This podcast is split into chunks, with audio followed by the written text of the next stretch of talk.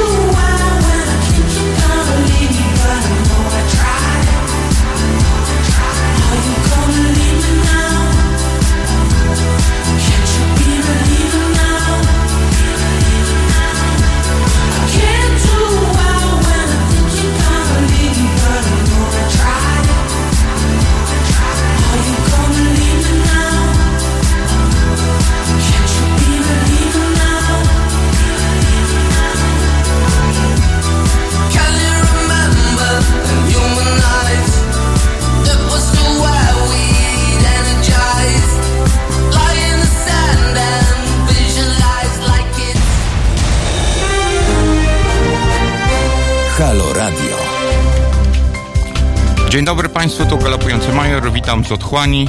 Trzeci odcinek e, naszej audycji.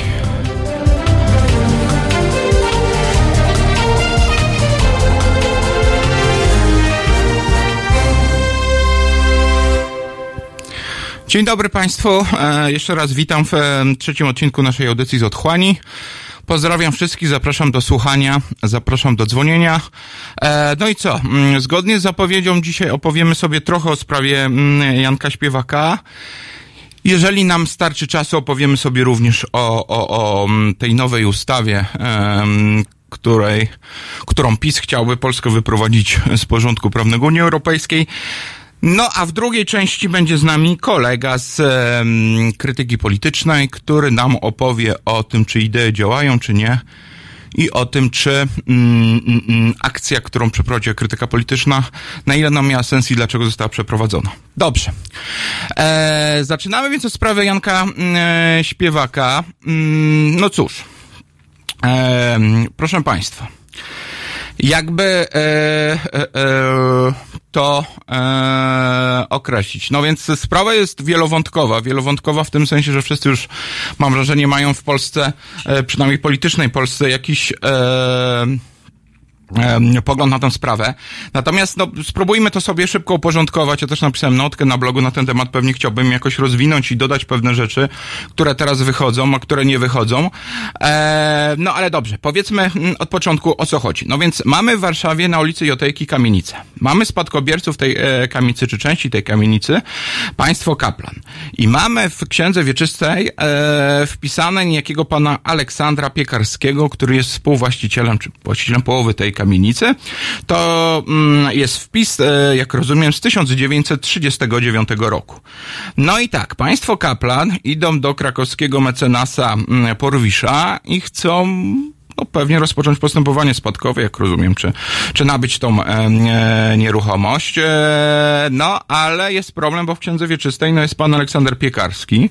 Idą więc zapytania do MSWiA, mm, kim jest ten pan Piekarski, gdzie on teraz mieszka. Ostatnie miejsce jak się okazuje, zamieszkania to był Radom, no ale nic więcej nie wiadomo. Wobec czego pan piekar, e, mecenas Porwisz składa wniosek o ustanowienie kuratora, bo tak się zwykle dzieje, czyli trzeba mieć kuratora na mm, osobę, która jest powiedzmy właścicielem, ale nie znamy, nie wiem gdzie ona przebywa i czy w ogóle ona żyje. No więc sąd w Radomiu ustanawia takiego e, kuratora i tym kuratorem zostaje e, pani Górnikowska, jak rozumiem, córka mm, e, ministra Ćwiąkalskiego. Więc tak mniej więcej wygląda e, stan faktyczny. No i pani Górnikowska zaczyna sprawować tą kuratelę. W ramach tej kurateli powinna przede wszystkim poszukiwać naszego pana e, Piekarskiego. MSW mówi, że taki Piekarski jest stu w Polsce. No i co dalej? No i następnie e, kwestia jest związana z tym, że oprócz tego powinna dbać również o jego interesy. Pani Górnikowska pisze panu Porwiszowi pełnomocnictwo, dzięki czemu pan Porwisz jest, czy mecenas Porwisz jest już e, pełnomocnikiem i państwo Kaplan, i państwu, e, i, i, i owego pana mm, e, poszukiwanego pana Piekarskiego. I co się dzieje następnie? No następnie zaczynają się po kolejne sytuacje dotyczące czy, czy, czy lokatorów, między innymi podwyżka czynszu z 6 zł na 12 zł. No i, i, i e, w pewnym momencie okazuje się, że archiwista, okazuje się, że to jest archiwista zamówiony przez pana Porwisza, sprawdza i okazuje się, że pan, pan Piekarski nie żyje, że na, gdyby żył, miałby dzisiaj, dzisiaj 118 lat, no więc po jakimś czasie e, pani e, Górnikowska przestaje być tym kuratorem. Tak mniej więcej wygląda, jak rozumiem, em, stan e, faktyczny e, naszego, e, naszej sprawy.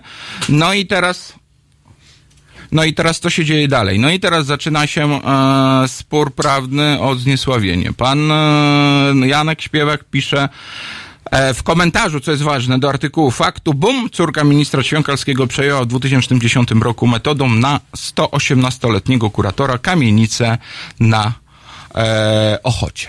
Mamy więc e, taki tekst i ten tekst był powodem tego, że pani Górnikowska czy, czy pani Ćwiąka, z domu Ćwiąkalska e, stwierdziła, że wniesie prywatnego akt oskarżenia o zniesławienie przez Janka Śpiewaka. Tak mniej więcej wygląda ta sytuacja. No i zaczyna się spór prawny, który rozgrzał, rozgrzał w weekend e, całą publiczność i, i w pewnym sensie jest to spór, który nie tylko dotyczy samej sprawy Janka Śpiewaka, ale moim zdaniem dotyczy on w ogóle pewnego sporu między liberałami a lewicą, ale również prawicą i chciałbym dzisiaj mm, sobie o tym e, opowiedzieć. E, najpierw sprawa jakby czysto to prawnicza, to znaczy o co naprawdę chodzi, to znaczy, znaczy jakie są zarzuty podnoszone przez obie strony, to znaczy zdaniem e, mecenas Górnikowskiej ona nie przyjęła, nie przejęła e, w 2010 roku metodą na 118-letniego kuratora kamienicy na Chocie, ponieważ ona została tylko i wyłącznie kuratorem na skutek postanowienia sądu i jako kurator potem została zwolniona, gdy się okazało, że ten piekarski nie żyje. Mało tego, ona potwierdza podkreśla, że gdy ten kurator, e, znaczy, że nie wiedziała, ile, ile lat ma ten piekarski i że nie miała zielonego pojęcia, czy on żyje, czy nie żyje i dlatego został ustanowiony kurator. Innymi słowy, czuje się pomówiona. Ona się czuje pomówiona również dlatego i tutaj Janek e, Śpiewak jest chyba po prostu pewną ofiarą mm, własnego sukcesu, ponieważ w momencie, kiedy powiedziano, że, e, znaczy inaczej, gdyby on napisał o, o przejmowaniu e, kamienic na kuratora 10 lat temu, to nikt by nie zrozumiał o co chodzi. A teraz na skutek jego własnych działań, działań, to znaczy działań bardzo pozytywnych i walki z mafią e, prywatyzacyjną e, czy reprywatyzacyjną i tak dalej, i tak dalej, mamy sytuację taką, że e, proszę Państwa, że po, powiedzenie, że ktoś coś załatwia na kuratora, jest rzeczywiście bardzo, bardzo negatywnie od, odbierane. No to jest zasługa Janka w tym sensie, że rzeczywiście e, wydaje się, e, że rzeczywiście wydaje się, że tutaj e, to, jeżeli by się okazało prawdą, może, e, może kogoś zniesławić. Z drugiej strony e, trzeba też bardzo, bardzo um, uważnie podkreślić e, kwestie związane z tym, co mówi Janek e, Śpiewak, bo mam wrażenie, że nie wszyscy słuchają, e, a mianowicie on wskazuje, że przejęcie e, nie polegało na tym, że ona stała się właścicielką, coś na tym zarobiła, ale przejęcie było w sensie czynności prawnych i faktycznym, jakim jest przejęcie w ramach protokołu. I to jest dosyć istotne, bo rzeczywiście w protokole jest wprost, że przejmuje e, e, kurant, czyli pani mm, e, Górnikowska, tak, e, a mecenas Porwicz, tak w jej imieniu, jako jej pełnomocnik odbiera, e, w zarządzanie tą kamienicą, czyli zdaniem Janka to jest po prostu przejęcie, nie w sensie przejęcia na własność przy wykorzystywaniu furtki prawnej, ale przejęcia w zarządzanie. To jest dosyć istotne. E, I druga e, kwestia e, to jest to, że Jan Śpiewak wprost formuje zarzuty dotyczące sposobu wykonywania tej kurateli, czyli o, tam nie, było dochowana, nie była dochowana należyta e, staranność że to było dosyć niekorzystne dla lokatorów. No, to jest tak mówiąc eufemistycznie, ponieważ tam nie dość, że wzrosło 100%, jak Państwo widzą, czynsz e, z 6 do 12 zł, to jeszcze mieliśmy problem taki, że tam były cztery przedwczesne zgony, o ile dobrze, e, dobrze e, pamiętam.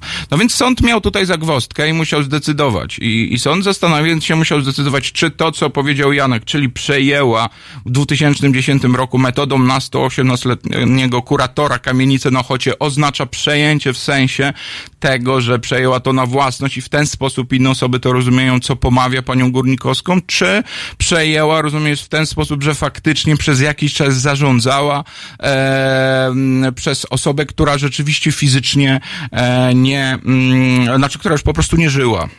E, Ja rozumiem sąd, y, że podzielił mm, pogląd pani em, Górnikowskiej w ten sposób, że rozumiem, że odbiór i mój odbiór tego tweeta Janka był też w ten sposób, nie to, że ona przez jakiś czas była, jakby Górnikowska sprawowała e, kuratelę, ale w ten sposób, że po prostu ona w jakiś sposób uczestniczyła w tym, w tym procesie, w ten sposób, że nabyła czy przejęła to dla siebie. Ja podejrzewam, że większość osób również mogła to tak zrozumieć, ale zdaję sobie sprawę, że wbrew pozorom możliwa byłaby inna interpretacja, czyli interpretacja, że owe przejęcie to jest przejęcie e, w zarząd, ale e, no ona byłaby bardzo e, korzystna wówczas dla, dla Janka Śpiewaka.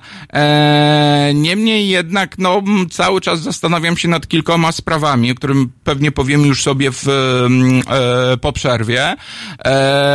Na razie puszczamy The Bambus. Halo Radio. Witajcie z tej strony Adam Nergaldarski. Jestem w Halo Radio. To jedyny tego typu projekt w Polsce. Istnieje dzięki naszym wpłatom. Dlatego warto go wspierać. Powodzenia. www.halo.radio ukośnik SOS.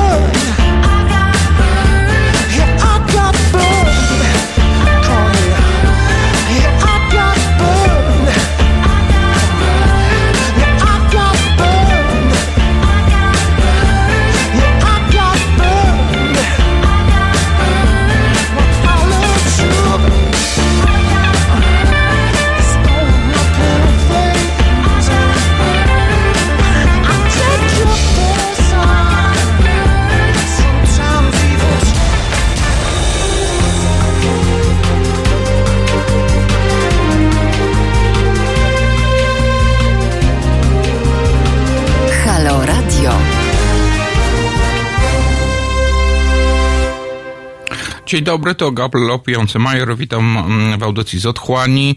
E, zapraszam, mówimy sobie dzisiaj przez pierwszą godzinę o sprawie Janka Śpiewaka. Proszę mailować na teraz małpahalo.radio albo dzwonić na plus 48 22 39 059 22. Będziemy sobie rozmawiali o sprawie mm, e, Janka Śpiewaka. Mm, Parę słów jeszcze takich e, ogólnych. Moim zdaniem bardzo dobrą robotę tutaj robi Okopres i, i chylę głowę przed Okopres, ponieważ Okopres nie tylko mm, opublikowało tekst pana mecenasa Cholewy w tej sprawie, nie tylko opublikowało wypowiedź pani e, Górnisiewicz, ale e, również i przed chwilą e, opinię mecenasa i obrońcy pana śpiewaka. Każdy więc może sobie w, mm, w jakiś sensie em, e, po prostu wyrobić zdanie i rzeczywiście po to są media, o tym też będziemy mówili w drugiej części naszego spotkania. Natomiast to, co mnie tutaj e, bardzo, e, bardzo zainteresowało, to jest kwestia e, związana z tym, e, drodzy Państwo, w jaki sposób e, podchodzi się do tej sprawy, czy do innych wątków tej sprawy. To znaczy, ta sprawa ma rzeczywiście kilka, e, kilka dodatkowych wątków. Więc pierwszy wątek to jest wątek em, tego, czy e, zniesławił Jan Śpiewak e, naszą e, panią mecenas. Być może zniesławił, no sąd stwierdził, że zniesławił.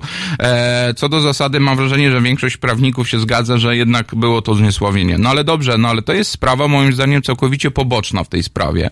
E, to znaczy ona jest poboczna w tej sprawie, ponieważ o wiele ważniejsze jest to, co się działo w tej kamienicy. To znaczy ta podwyżka czynszów. Janek Śpiewak mówił, że tam były wręcz cztery przedwczesne zgony.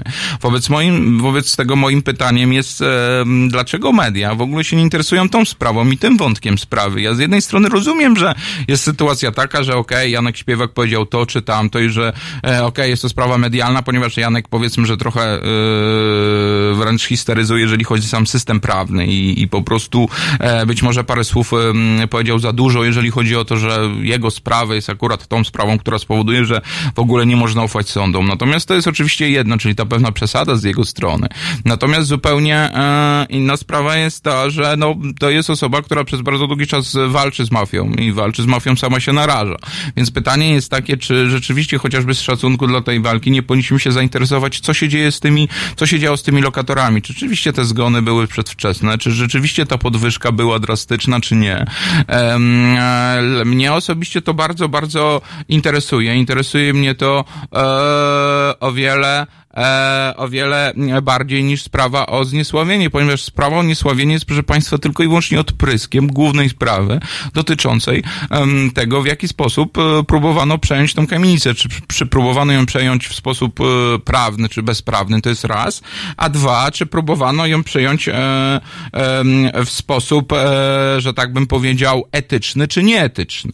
E, więc ja mam wrażenie, że tutaj mieszamy jakby dwa porządki, czyli pierwszą przez sprawę drobną, moim zdaniem, w całym tym kontekście, czyli sprawę o zniesławienie, z drugą sprawą, sprawą o wiele bardziej em, e, poważną, czyli sprawą nieprawidłowości przy e, przejmowaniu tej kamienicy. I jeżeli ja jestem obywatelem, tak jak każdy z Państwa, no to ja bym oczekiwał, e, żeby jako obywatel mógł się dowiedzieć tego, co na ten temat sądzą na przykład lokatorzy. Nie zauważyliście Państwo, że w ogóle nie mamy e, tutaj pytań odnośnie, e, pytań lokatorów o to, jak wyglądała to podwyżka czynszu, w jaki sposób byli traktowani. Oczywiście zdaję sobie sprawę, że z jednej strony, jeżeli jestem kuratorem, to przede wszystkim e, jako kurator powinienem e, zajmować się mm, ustalaniem, czy ten pan Piekarski żyje, czy nie, próbować go znaleźć, ale z drugiej strony to, co podkreśla tutaj e, e, i, i, i mecenas Cholewa, który powiedzmy napisał ten tekst dla Okopres i polemizujący z nim obrońca e, Janka Śpiewaka, a oni we e, dwójkę wskazują jedną rzecz, czy rzeczywiście tam była należyta staranność przy tej kurateli, czy rzeczywiście było tak, że czy to jest etyczne, albo czy to jest prawidłowe, że pani e, mecenas zdała e, pełnomocnictwo panu Porwiszowi, który w ten sposób właściwie e, całą kamienicą mógł e, administrować według e, e, trochę własnego wicimisie, no oczywiście na korzyść e, e, na korzyść swoich klientów czy, czy, czy mocodawców. Czy rzeczywiście sytuacja jest e, e, taka, że pani mecenas występowała na zebraniach lokatorów e, i jakie, jeżeli występowała na zebraniach lokatorów, to jakie e, miała wówczas, czy podnosiła jakie racje, czy, czy jakie składała wnioski i tak dalej, i tak dalej. To jest dosyć istotne. Ja mam wrażenie, że zupełnie nikt nie chce o tym mówić i jest mi trochę, e, trochę szkoda z tej sprawie, bo rzeczywiście tutaj wręcz przytoczę te parę spraw, czyli po pierwsze to, co mówi mecenas Cholewa, wątpliwości budzi sam fakt oddania zarządu kamienicy w 2010 roku przez Warszawę. Zastanawiać może fakt pełnienia kurateli dotyczącej nieruchomości w Warszawie przez adwokatkę z Krakowa, a także udzielenia przez nią pełnomocnictwa pełnomocnikowi spadkobierców pozostałych właścicieli. Etyczne wątpliwe było podwyższanie czynszów lokatorów podejmowane z inicjatywy spadkobierców reprezentowanych przez mecenasa Porwisza, więc to są kwestie, które są podniesione, na które nikt jakoś nie chce na ten moment odpowiedzieć i one są półgębkiem em, e, kwitowane. E, e, szkoda, szkoda, szkoda, bardzo, e, bardzo szkoda. To samo, co mówi teraz nam e, mm, obrońca e, Janka Śpiewaka. Czy, czy, czy, czy pani mecenas miała prawo i dobre powody, żeby wypowiadać się w sprawie podwyżki czynszów, zwłaszcza, że ewentualne skutki jej wypowiedzi w tej sprawie należy oceniać z uwzględnieniem tam mm, zasad związanych z kodeksem cywilnym? Czy miała prawo i dobre powody, żeby występować na zebraniach lokatorów? Czy mm, w tym czasie stara się ustalić, kogo tak naprawdę reprezentuje? Więc to są rzeczy, które moim zdaniem powinny tutaj wybrzmieć i ja liczę na to, że e, świat dziennikarski, który ochoczo rzucił się e, na Janka Śpiewaka, e, jednocześnie w jakiś sposób będzie chciał mm, to wyjaśnić, bo jeżeli nie, no to mam wrażenie, że zajmujemy się sprawą poboczną, sprawą, która jest dosyć wygodna dla wszystkich krytyków Janka Śpiewaka, e, ze względu na to, w jaki sposób, znaczy ze względu na to, że nie trzeba się zajmować czymś, e, co jest tak bardzo brudne, e, a, a, a czym... mm, była reprywatyzacja w Warszawie. Tutaj jest jakby jeden, jeden wątek tej sprawie, czyli wątek jakby tej kamienicy. Oprócz tego Zostaje wątek e, tego, że wszyscy mówią, że Janek Śpiewak powinien odpowiadać e, za swoje czyny. No dobrze, ale proszę Państwa, ja mam wrażenie, że wszyscy e, jesteśmy tacy odważni za klawiaturą komputera, jesteśmy tacy bardzo pryncypialni. Jeżeli przychodzi o nas samych, to jakoś chcielibyśmy, żeby wtedy sąd nam tej kary nie wyznaczył. Jakoś, gdy przychodzi o nas samych, to się okazuje, że nie jesteśmy za bardzo za takim surowym sądzeniem. Ja w ogóle jestem, nie jestem zwolennikiem surowego sądzenia, no chyba, że to są rzeczywiście sprawy bardzo, bardzo drastyczne. No, ja przypominam, że większość dziennikarzy jest przeciwko artykułu 212 kodeksu karnego dotyczący zniesławienia i jakoś, e, gdy, znie, gdy dziennikarz powie bzdurę, jednocześnie musi, e, czy jest za nią skazany, no to dziennikarze wszyscy się za nim stawiają murem, a jeżeli to nie dziennikarz, e, to mam wrażenie, mm, to mam wrażenie, że jakoś na tego Janka wszyscy naskakują. Owszem, ja mówię i się nie wstydzę tego, napisałem notkę, w której stwierdziłem, że Janek histeryzuje, bo sytuacja jest taka, że mógł to przegrać. Natomiast z drugiej strony ja mam wrażenie, że teraz reakcja jest taka, że ja nie wiem, jakby on komuś, nie wiem, kogoś rozstrzelał czy coś. Ludzie na niego naskakują, a on po prostu chlapnął jedno słowo za dużo, albo inaczej, użył skrótu myślowego, skrótu nie, em, e, myślowego, których używamy wszyscy. I gdybyśmy tak bardzo chcieli legalistycznie pochodzić do naszych własnych zdań, naszych własnych opinii, tego, co piszemy w internecie, to proszę Państwa, my byśmy z sądu nie wyszli. Wszyscy tutaj pewnie na tym topczacie i nie tylko, i na różnych blogach. Więc ja bym tutaj apelował jednak o pewną, e, pewną, e, pewne wstrzymanie się i, i, i pomysły na to, żeby jeżeli chcemy tak bardzo być e, pryncypialni, to może zacznijmy od siebie, to znaczy w tym sensie spróbujmy y, się zastanowić, czy my czasami na Twitterze też nie napisaliśmy albo na Facebooku jakieś głupoty, czy czasami nam się coś nie wymskło i czy naprawdę chcielibyśmy, żeby potem ludzie biegali i nas nawet nie pozywali w trybie cywilnoprawnym, ale w trybie karnym po prostu składali wnioski. Jeżeli śpiewak nie zapłaci e, grzywny, to śpiewak pójdzie do więzienia, bo tak to, mm, tak to e, e, działa. Więc e, pamiętajmy o tym z jednej strony, no musimy tutaj, kolega pisze, że e, skróty myślowe na topczacie używane są celowo, coś zawsze przylgnie czasami celowo, czasami nie. No problem polega na tym, że proszę Państwa, E, do, e, problem polega po prostu na tym, że język jest przystosowany do szybkości przekazu. Czasami coś klikniemy, czasami coś powiemy i rzeczywiście nagle się okaże, że żeśmy przesadzili. Oczywiście, no ja, gdyby mnie kiedyś Janek poprosił o poradę, chociaż wątpię, żeby to zrobił, no to w trakcie bym powiedział, Janku, idź na ugodę, tak, e, albo powiedz, nie chodzi mi o przejęcie na własność, ale chodzi mi w takim sensie. Niestety to się nie udało. E, Z drugiej strony mam wrażenie, że tak jak mówię, że cały czas e, teraz z tego śpiewaka robi się jakiegoś strasznego kryminalistę, podczas gdy sprawa jest po prostu typową pyskówką sądową i tak powinna być traktowana. Dobrze, a teraz, zanim przejdziemy dalej, posłuchamy sobie All I Need.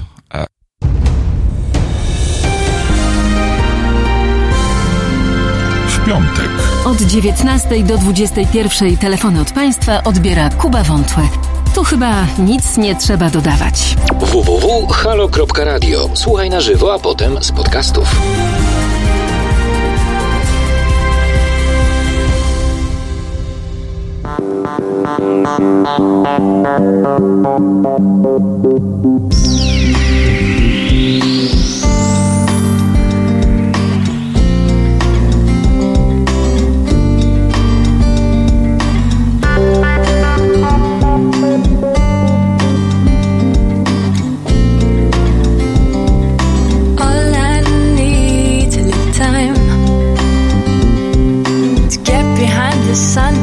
Cast my weight. All I need's peace this mind. I can celebrate.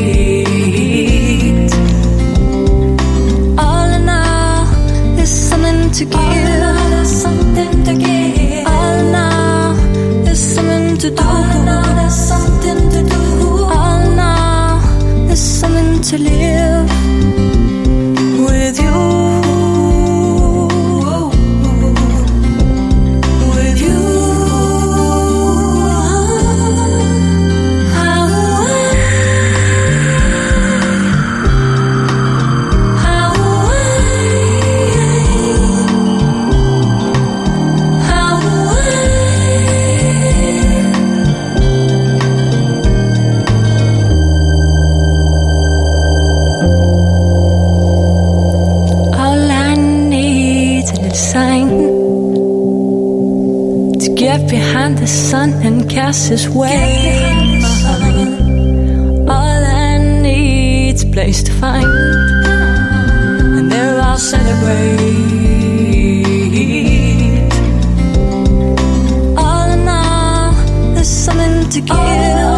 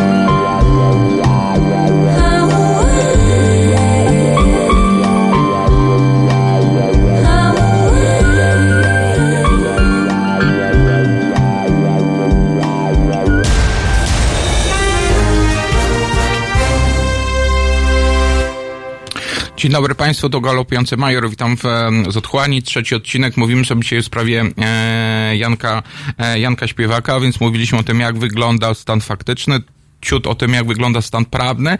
Teraz trochę mówimy sobie o etyce, a, a teraz powiemy, powiedzmy sobie o tym, e, jak e, wygląda to w kontekście politycznym, bo o tym jeszcze nie, rozmu- nie rozmawialiśmy, a więc pierwsza sprawa to jest sprawa ułaskawienia, czy rzekomego, czy prośby o ułaskawienie, czy, czy, czy zapowiadanego ułaskawienia Janka Śpiewaka przez em, prezydenta. No więc tutaj się stała taka sprawa, że e, wszyscy się oburzyli, to znaczy oburzyli się na to, że Janek Śpiewak w ogóle śmie rozmawiać z prezydentem, iść rozmawiać z prezydentem i śmie skorzystać z tego ułaskawienia, jeżeli, czy, czy, czy, czy, czy mógłby skorzystać z tego uzasadnienia, jeżeli ono zostanie, jeżeli wniosek zostanie złożony. No więc ja trochę nie rozumiem tego oburzenia, albo inaczej rozumiem to oburzenie, ale go nie podzielam. To znaczy, mm, e, ja z jednej strony rozumiem, że dla niektórych e, rządy PiSu to są rządy pewnego okupanta i jeżeli to jest okupant, to nie można z nim kolaborować, chociaż nie, nie podzielam aż tak radykalnej mm, tezy. Natomiast wydaje mi się, że tutaj mamy mm, e, sytuację dosyć prostą z tego punktu widzenia, że suma pewnego dobra, czy dobrych działań, która jest po stronie Janka i jego pracy na rzecz ujawniania i przeciwdziałania przede wszystkim ogromnej krzywdzie mm, ludzi jest tak wysoka, że nawet jeżeli on się e, powiedzmy e, zagalopował i nawet jeżeli chlapnął jedno słowo za dużo, albo jeżeli nie był na tyle precyzyjny, że w ocenie dwóch instancji okazało się, że rzeczywiście popełnił czyn zabroniony w postaci zniesławienia, to, to wydaje mi się, że to jest wręcz podręcznikowy przykład, gdzie Janek Śpiewak e, mógłby być e, uniewinniony. E, te osoby, które mówią, że on nie powinien być uni, uniewinniony, no ja się tak pytam, zastanawiam się, to co, dacie państwo te pieniądze, te 5 tysięcy grzywnej, tam jeszcze 10 tysięcy nawiązki jest, tak? E, Śpiewakowi, żeby oddał, no powiedzcie oczywiście, że nie damy, bo mógł się dwa razy zastanowić. No ale ja powtarzam, żeby się chwilę wstrzymać z takim radykalnym osądem i się zastanowić, czy samemu nam się e, nie zdarzyło w życiu powiedzieć jakieś głupoty. Więc to jest pierwsza kwestia. Druga kwestia jest związana z, taka, e, z tym, że no, ktokolwiek jest tym e, prezydentem, jeżeli chce coś dobrego zrobić, czy coś, co w naszym zdaniem jest słuszne, to dlaczego mielibyśmy nie e, nie mielibyśmy z tego skorzystać. To znaczy, e, ja pamiętam, jak e, było ułaskawienie e, kolegi e, mecenasa Dubinickiego, z którym razem robili interesy i okazało się, że ta osoba e, została skazana za jakieś wyłudzenia czy oszustwa przy e, funduszach e, PEFRON. Nagle się te akta jakoś zaginęły, no nie można było ich znaleźć. E, Niektórzy z e, polityków twierdzą, że ostatnim politykiem, który to trzymał, był właśnie Andrzej Duda. Więc no ja, jeżeli chodzi o takie łaskawienie, jestem absolutnie przeciwko. Oczywiście jestem przeciwko też łaskawieniom, które mm, były dokonywane za czasów Lecha Wałęsy, zwłaszcza tych, tych najgłośniejszych.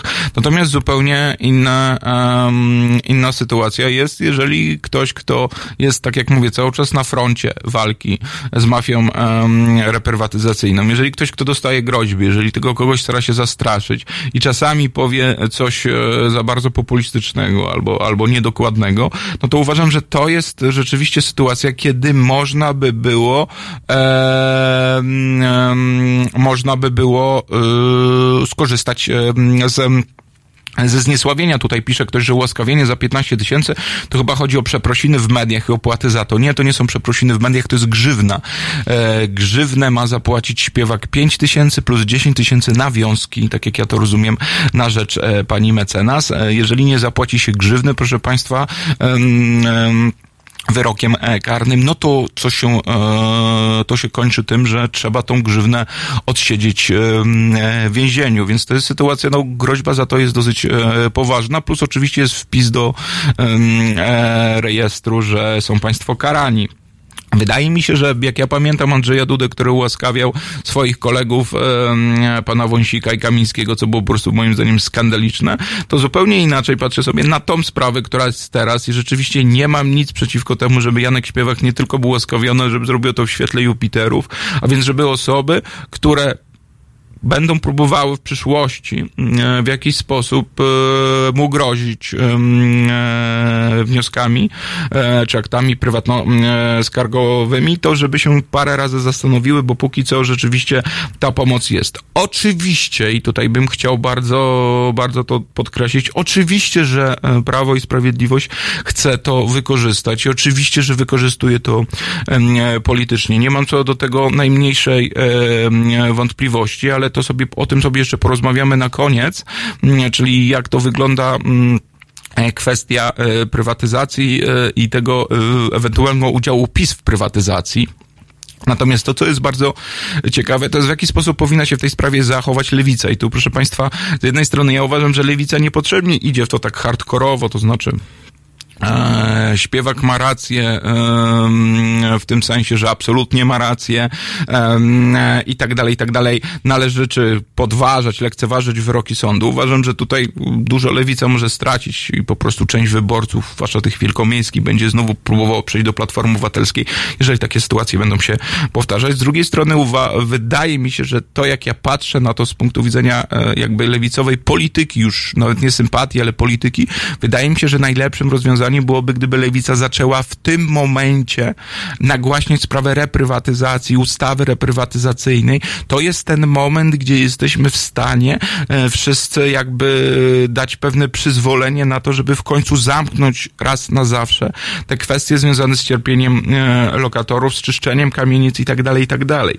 E, PiS cały czas tego zrobić nie chce, ona nie chce zrobić z tego z różnych względów, również względu na to, że część tych em, roszczeń to są roszczenia em, e, amerykańskie, m, również osób żydowskiego pochodzenia i po prostu PiS boi się awantury o to, że będą oskarżeni za to, że nie chcą udawać mienia, które zostało przejęte po II wojnie światowej, e, mienia żydowskiego. Oczywiście to nie jest żadna antysemicka tutaj kalka, tylko to jest po prostu czysta polityka polegająca na tym, że spadkobiercy, no mieszkało tutaj jedna trzecia Warszawy, udaje, że była zamieszkała przez em, mniejszość żydowską. No i bardzo dużo tego mienia tutaj zostało i nikt nie wie za bardzo co z tym zrobić, w jaki sposób to rozwiązać. Wobec czego wszyscy chowają głowy w piasek, a przy okazji zarabiają na tym e, męty społeczne. Przepraszam, że to słowo, ale, ale takie mam zdanie na temat osób, które czyszczą, e, czyszczą kamienice. Mm, e, Więc tak to... Tak to wygląda, więc e, moim zdaniem e, bardzo ważne jest to, żeby lewica jakby podniosła sprawę reprywatyzacji samej w sobie, a nie za, przestała się zajmować sprawami zniesławienia Janka e, Śpiewaka. To chociaż oczywiście to wsparcie było mu potrzebne, ale w tym sensie, że politycznie to jest ten moment, gdzie można by to wykorzystać. Druga sprawa, ja mam wrażenie, że te wszystkie osoby, które tak bardzo mm, pryncypialnie odpowiadają, no dobrze, teraz lubiłem Śpiewaka, ale teraz już go w ogóle nie lubię, albo teraz już w ogóle nie ma mojego zaufania, to są osoby, które mam wrażenie, że trochę czekały e, na to, e, żeby w ten sposób się e, pozbyć sprawy prywatyzacji, bo reprywatyzacji, bo pamiętajmy Państwo, że to jest taki dysonans. Z jednej strony te osoby trochę są za Platformą, trochę za Lewicą, no ale głosowały pewnie na Trzaskowskiego, no ale jak im się mówi, że Platform, opowiadałem, że Platforma wcale nie jest taka zła, no ale nagle jak usłyszą o tej kwestii, co się działo w Warszawie z tymi kamienicami, no to nie za bardzo wiedzą, co powiedzieć. No teraz będą wiedziały, co powiedzieć, powiedzą, a to nie wiadomo, czy to prawda, czy nie, bo śpiewak jak raz skłamał, to mógł skłamać w wielu, wielu sprawach. Mam wrażenie, że to jest takie alibi, to alibi będzie wykorzystywane potem przez te osoby, które będą w ten sposób mogły się pozbyć tego dysonansu e, etycznego, powiedzmy, który ich dotyczy, e, gdy pomyślą, o, no dobrze, dobrze, no jest taki, em, E, taka, a nie inna sprawa, ale tak naprawdę to śpiewak też przesada, więc w sumie to jest tak symetrycznie, e, raz tak, a raz nie inaczej. No ja bym bardzo, bardzo tutaj e, przestrzegał przed e, m, taką rzeczą i wydaje mi się, że jeżeli ktoś po takiej sprawie dalej, znaczy po takiej sprawie przestaje cenić śpiewaka, to mam wrażenie, że on go w ogóle wcześniej nie cenił, a to tylko teraz tak czy inaczej e, okazuje się po prostu e, m, pewnym wykrętem, który można, z którego można wykorzystać. Tak więc z mojej strony to e, z mojej strony to e, tyle. Jeżeli chodzi o kwestie związane z lewicą, e, ja mm, bardzo szanuję lewicę, że zawsze stała za lokatorami.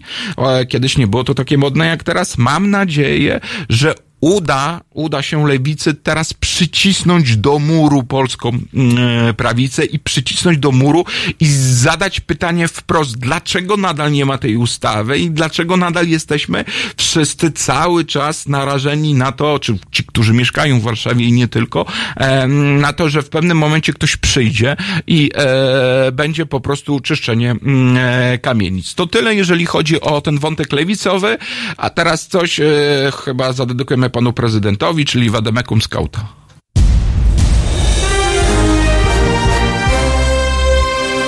sobotę? Od 15 do 17 dr Przemysław Witkowski będzie rozpracowywać dla Państwa środowiska skrajnej prawicy i innych szkodników. 15-17. www.halo.radio. Słuchaj na żywo, a potem z podcastów.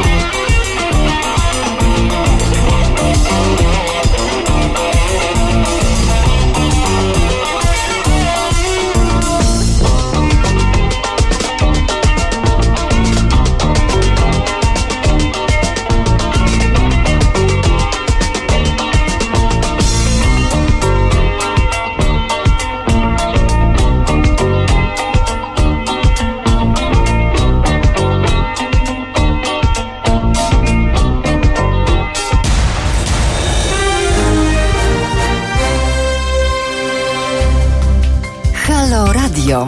Pierwsze medium obywatelskie.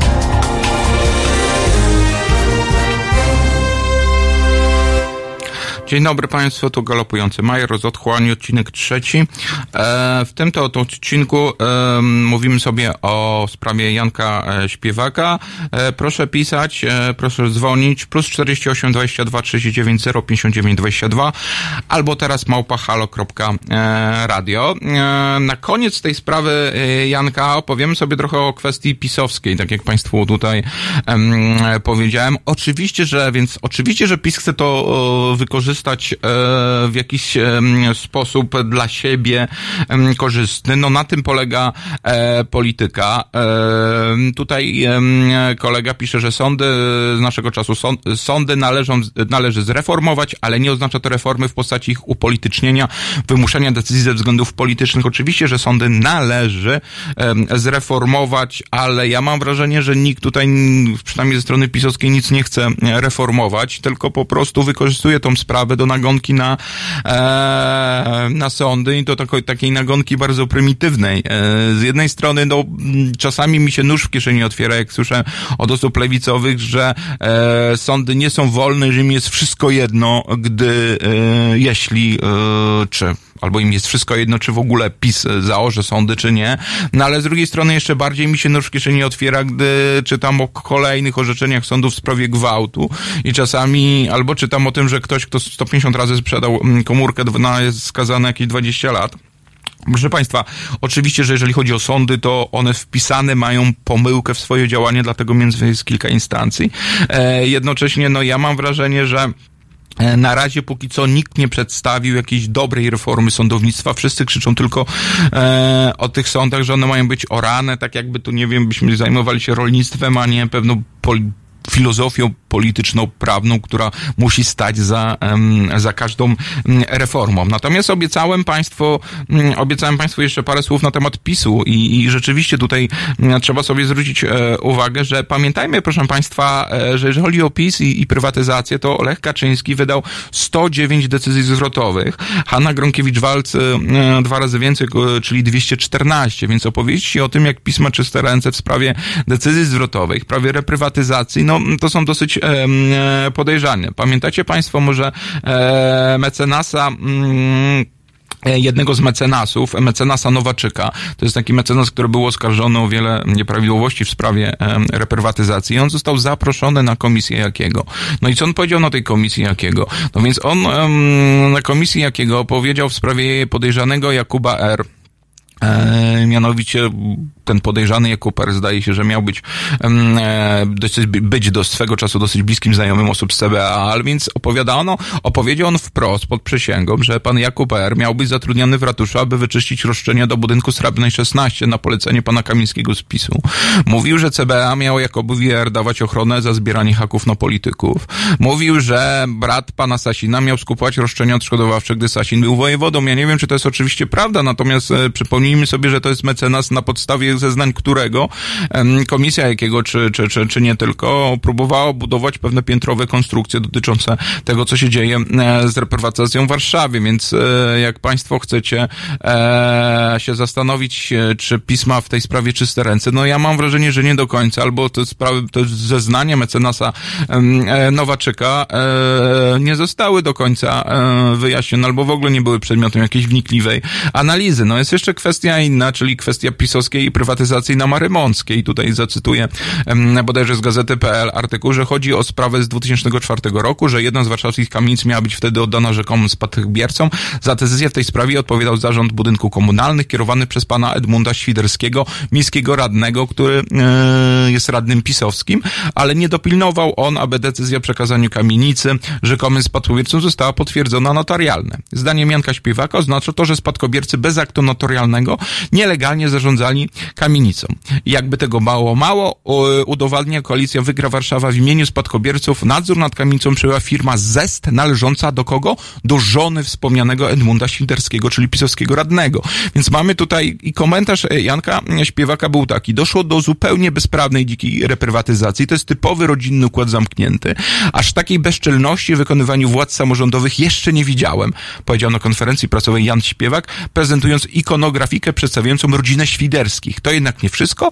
Śpiewak poinformował również, za, e, że sprawą re- reprywatyzacji kamienicy przy Marymąckim 49 dwukrotnie mogła się zająć komisja weryfikacyjna Patryka Jakiego. Wnioski w tej sprawie zostały jednak zignorowane. Testem na wiarygodność Jakiego będzie wezwanie przed komisję radnych PiS. Mówił śpiewak, zapowiadając, że złoży do e, komisji wniosek o zajęcie się e, rodzinom e, świderskich. Więc mamy tu, proszę Państwa, taką sytuację, że rzeczywiście, e, jeżeli chodzi o PiS, to tak naprawdę warszawski PiS, ja tutaj nie widzę aż tak wielkich różnic. To znaczy, podejrzewam, że warszawska platforma jest w to o wiele bardziej umoczona, ale mm, póki co ja nie wierzę w to, że nie jest to również umoczony PiS, e, czy część radnych, czy byłych radnych PiSu. Układ warszawski to był układ, który był ponadpartyjny, ponieważ w grę wchodziły tak ogromne pieniądze, że nikt tak naprawdę e, nie ma pojęcia, mam wrażenia, skali tego procederu. I teraz, gdy widzę, że PiS próbuje się w jakiś sposób em, na tej sprawie wy,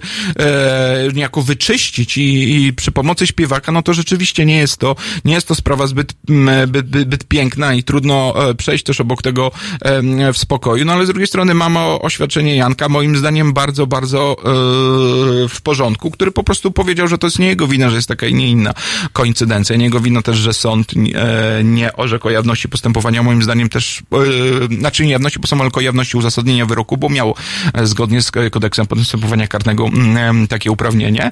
E, I wydaje mi się, że rzeczywiście tutaj, jeżeli chodzi o kwestię pisowską i kwestię tego, w jaki sposób e, PiS brał udział w e, prywatyzacji, no czeka, czeka nas dosyć e, dużo pewnie do zrobienia. Natomiast e, ja przypomnę jeszcze jedną rzecz, chyba najważniejszą rzecz, e, która mi się przypomniała ostatnio przy tym, jak Czytałem o tym, w jaki sposób jest postępowanie z em, klerem hiszpańskim. Mianowicie, proszę Państwa, bardzo dużo decyzji, czy cała reprywatyzacja również w Polsce miała miejsce z udziałem Kościoła. I to jest temat, który mam wrażenie, że jest zupełnie nieruszony. E, I tutaj nie zawsze były dramaty. Mm, lokatorów, ponieważ tutaj oddawano działki po prostu w zamian za jakieś roszczenia kościelne, e, oddawał działki w bardzo dobrym stanie, no i teraz widzimy, że w zamian za te działki Kościół buduje sobie poszczególne wieżowce i tak dalej, i tak dalej. Mam wrażenie, że to jest sprawa zupełnie nieruszona i, i która rzeczywiście również powinna być e, w jakiś sposób em, wyjaśniona, dlatego y, też apeluję, żeby e, e, brać uwagę, czy, czy wziąć poprawkę na to, że sprawa e, roszczeń to są nie tylko sprawy cywilne, ale również powiedzmy sobie sprawy kościelne. E, Co jest jeszcze? Co jest jeszcze ważne e, i co chciałbym na koniec, e, jakby w tej sprawie, mm, jak już będziemy, mm, będziemy kończyć, no to przypomniała mi się jeszcze jedna sprawa naszego kochanego pana premiera, który twierdził, że jest po stronie Janka Śpiewaka i, i tak dalej, i tak dalej. I on jest taki bardzo empatyczny.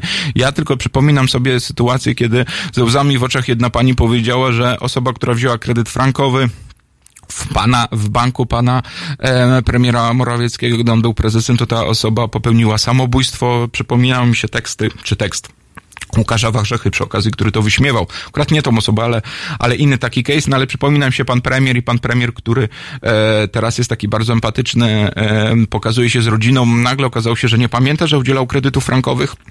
Potem okazało się, że jednak pamięta. Proszę Państwa, no jeżeli czy Państwo naprawdę znacie jakiegokolwiek prezesa banku, który nie wie, czy udzielał kredytów frankowych, czy nie, no to, to jest po prostu niemożliwe. E, więc e, mam wrażenie, że po prostu skala bezczelności została tutaj złamana i o ile doskonale rozumiem, dlaczego Janek Śpiewak spotkał się z prezydentem, o tyle gdy słyszę, jak to wspaniały nasz pan premier, e, jakie ma złote serce, zastanawiam się, czy rzeczywiście miał też takie złote serce, gdy mm, e, paru do udzielania kredytów frankowych, a to o tym, że paru wiemy z mm, jego mm, może nie tyle biografii, czy opisu tego, w jaki sposób był prezesem banku i to opisał jeden z jego współpracowników. Książka niestety przeszła bez echa, e, a szkoda. Szkoda, bo wydaje mi się, że warto, żeby do niej sięgnąć. Może na święta Państwo sobie kupią i zobaczą, w jaki sposób nasz pan premier mm, e, pracował. E, dobrze. Tyle, jeżeli chodzi o, o naszą kwestię Janka Śpiewaka. Druga część już będzie poświęcona innym zagadnieniom. Mam nadzieję, że dotrze do nas gość i wtedy sobie porozmawiamy o, o tym, czy idee działają, czy nie, nie działają i jak działają. A póki co e, Aeroplane.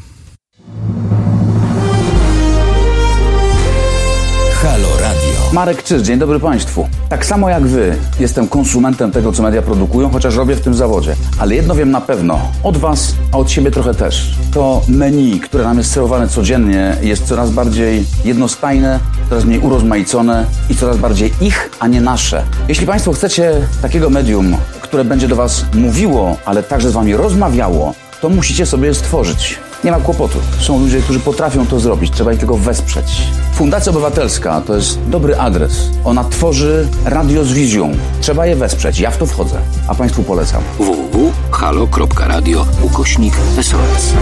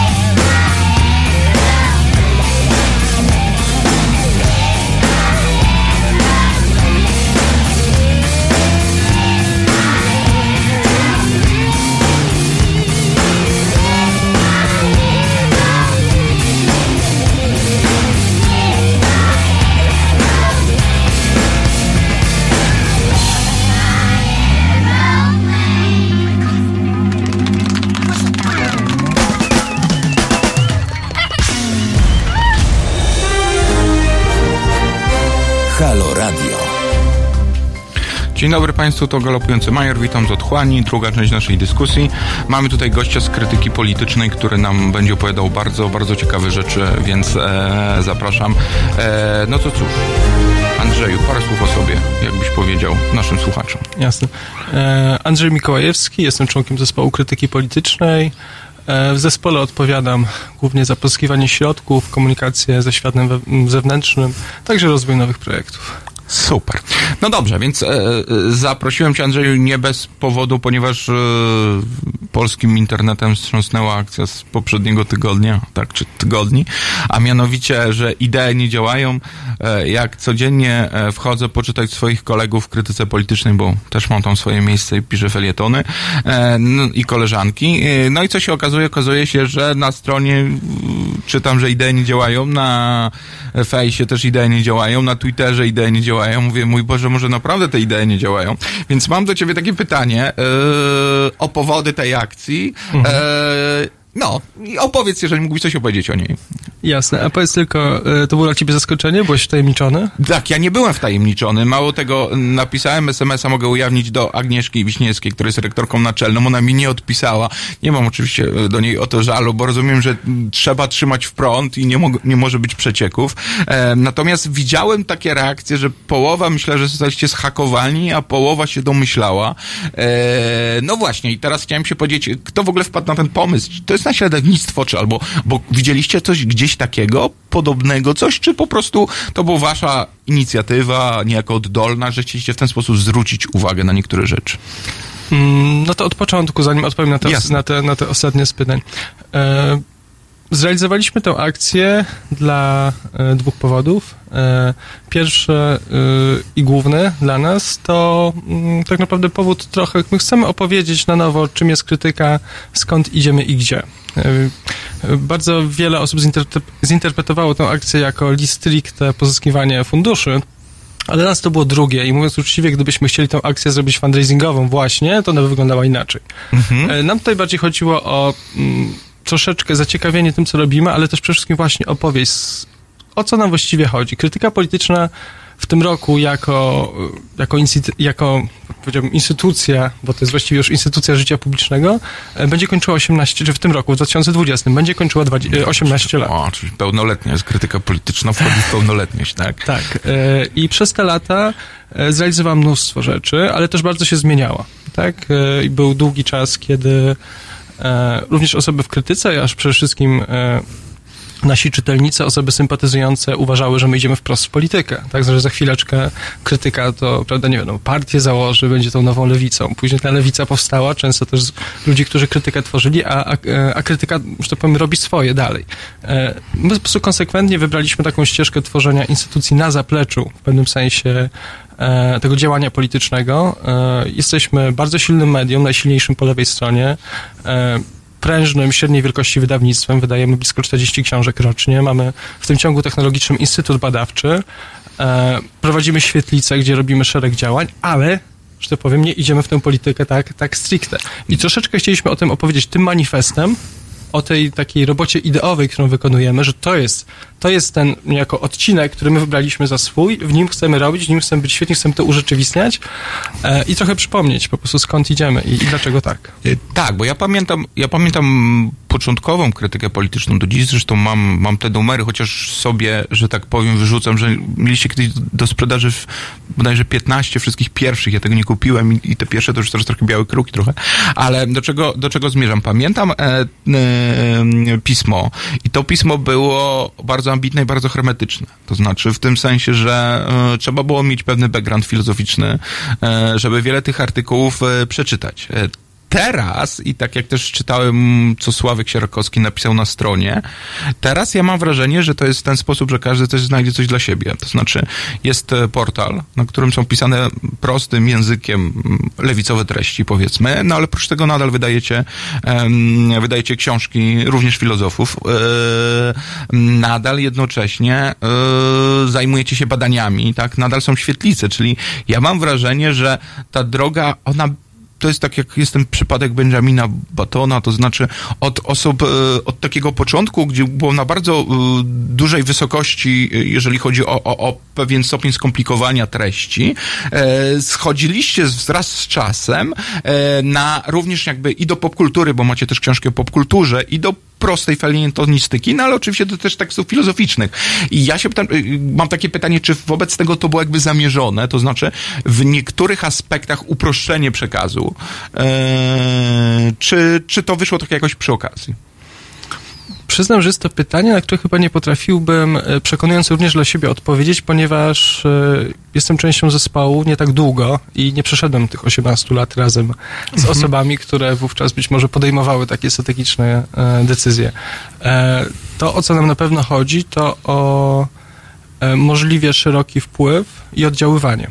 I ono się musi siłą rzeczy wiązać z dopasowaniem tego, o czym mówimy, tych idei, które chcemy przekazywać i które, które chcemy promować, do, no, do kolejnych grup, do, do bardzo różnej publiczności, e, także no, coraz młodszej. Mam 18 lat, w tym sensie no, już e, e, do wyborów idzie kolejne i kolejne pokolenie, często, które w ogóle nie ma żadnego pojęcia, czym jest krytyka polityczna. Tak? W sensie gdzieś tam jakieś rzeczy może się odbiły, ale to jest też pokolenie, do którego my jeszcze musimy dotrzeć, więc pewnie nasz język będzie dalej ewoluował i razem z no wierzymy, że jest przed nami z nami kolejne 18 lat i e, być może to jest trochę tak, że w tym, powtórzę tę metaforę ciągu technologicznego, są, są, takie, e, są takiego elementy, które no, będą dalej mówiły tym językiem, który, który był od początku, bo to jest ciągle bardzo nie, niezwykle istotne, żeby grzebać przy tych ideach tam gdzieś u źródła e, i zajmować się taką pracą, ale też będzie, będą pewnie kolejne formaty i kolejne, kolejne pomysły na to, jak to czynić jeszcze bardziej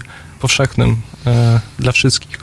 I tu możemy może wrócić właśnie do samej akcji, o którą mnie pytałeś, właśnie. tak? Bo ten, te dwa dni bez krytyki i zmartwychwstanie na dzień trzeci, oprócz e, rzecz jasnej konotacji eschatologicznych, no, cały ten suspens e, no, jest po to właśnie, żeby zaciekawić i być może wyjść troszeczkę dalej poza e, e, e, powiedzmy codzienną grupę, która nas czyta, zaciekawić może, e, może dodatkowe, dodatkowe grupy, ale też właśnie przypomnieć, przy, przypomnieć o e, tej często niewidzialnej pracy, z której tak wiele osób korzysta. E, Pytałeś o reakcję, pytałeś o to skąd pomysł i jak zostaliśmy i, i, i co przy okazji udało się osiągnąć. Więc po kolei reakcje, bardzo ciepłe, bardzo różne. E, bardzo nas rozbawiły reakcje e, publiczności, no głównie lewicowej, która zaczęła produkować od e, już pierwszego, a drugiego dnia to już zdecydowanie coraz kolejny mamy. Trzeci dzień bez, bez krytyki politycznej to już był dla niektórych naprawdę wstrząs. Jasne. Co, co ciekawe, myślę, że mogę to otwartym tekstem powiedzieć, bardzo dużo ciekawych komentarzy i, i memów tak, żeby produkowali nasi tacy najczęściej krytykanci, czy osoby... Tak, tak, tak. Na pejach, na fanpejach, tak, ja to oczywiście też czytałem. E, były memy, e, lepsze, gorsze, ale lewicowe memy zawsze są mnie ciekawią, więc e, Jasne. rzeczywiście było tego trochę. Natomiast ja mam takie pytanie, jeszcze jakby przed, e, przed przerwą muzyczną, mianowicie, jak dziennikarze mainstreamowi do tego podeszli? Bo sobie o lewicy porozmawiam za chwilę, ale jak dziennikarze głównych mediów, czy, czy dopytywali się, czy, czy zauważyli i na ile? Od drugiego dnia tak. E, Pierwszy dzień, no to wiadomo, no właśnie problemy techniczne, skakowali, nie wiadomo, nowy layout, coś, coś, coś tam może grzebią. Drugiego dnia już pytania się pojawiły, ale stosowaliśmy konsekwentny blackout medialny, którego sam padłeś ofiarą, więc e, jak już był czas, żeby coś o tym pisać, to już byliśmy z powrotem, więc... E, tak, bo rzeczywiście była też taka sytuacja, że ja rozmawiałem też, jakaś koleżanka inna z mediów mówi, że dzwoniła też do Agnieszki i że też e, nie dostała w ogóle odpowiedzi, tak. E, więc czasami mam wrażenie, że rzeczywiście pomysł z zaciekawieniem, albo inaczej, z tym, że nie możesz natychmiast wiedzieć, co się dzieje, mimo że jesteś nawet w tym świadku medialnym, bardziej lub mniej, e, spowodowały, że bardziej ci interesuje, co rzeczywiście się stało. Czyli, żeście takie zaciekawienie e, moim zdaniem wywołali. Gratuluję. E, no i co? No i e, wydaje mi się, że teraz, teraz zresztą niektórzy twierdzą, że ten layout, który jest na początku i tam są te teksty Kingi Dunin, e, Michała, Agnieszki czy Sławka Sierakowskiego, rzeczywiście e, one też mają bardzo ładnie layout i to właśnie tak trochę wygląda taki ładny vintage i powiedzmy, e, że rzeczywiście mm, w jakiś sposób skłania ko, to ku temu, żeby jednak kliknąć, co tam, co tam się e, e, wydarzyło. E, a więc dobrze, więc teraz mamy, proszę Państwa, przerwę muzyczną, wrócimy potem do reakcji. E, Van Morrison, Crazy Love. Halo Radio. Cześć, nazywam się Renata Gabrielska i wspieram Halo Radio, jedyne w Polsce medium obywatelskie. www.halo.radio ukośnik SOS. I can hear her heartbeat from a thousand miles.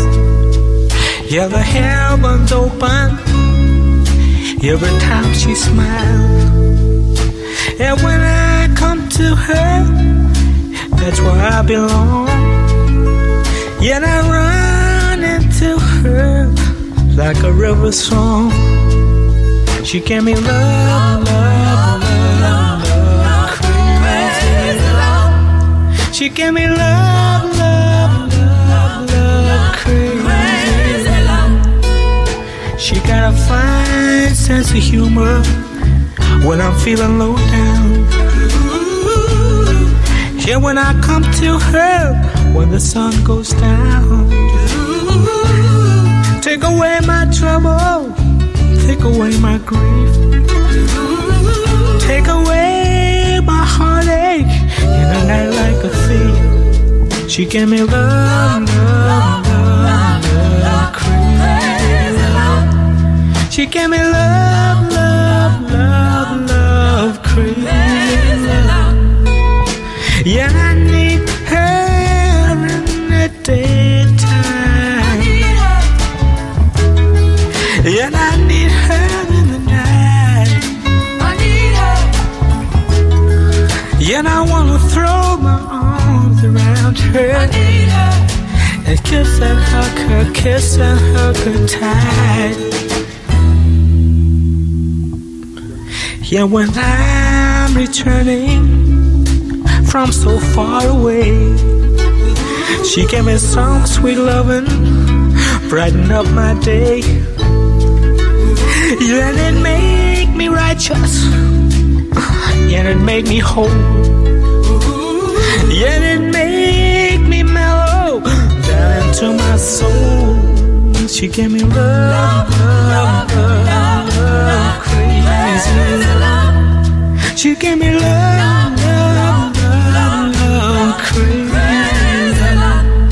She gave me love, love, love, love, crazy love. She gave me love, love, love, love, crazy love.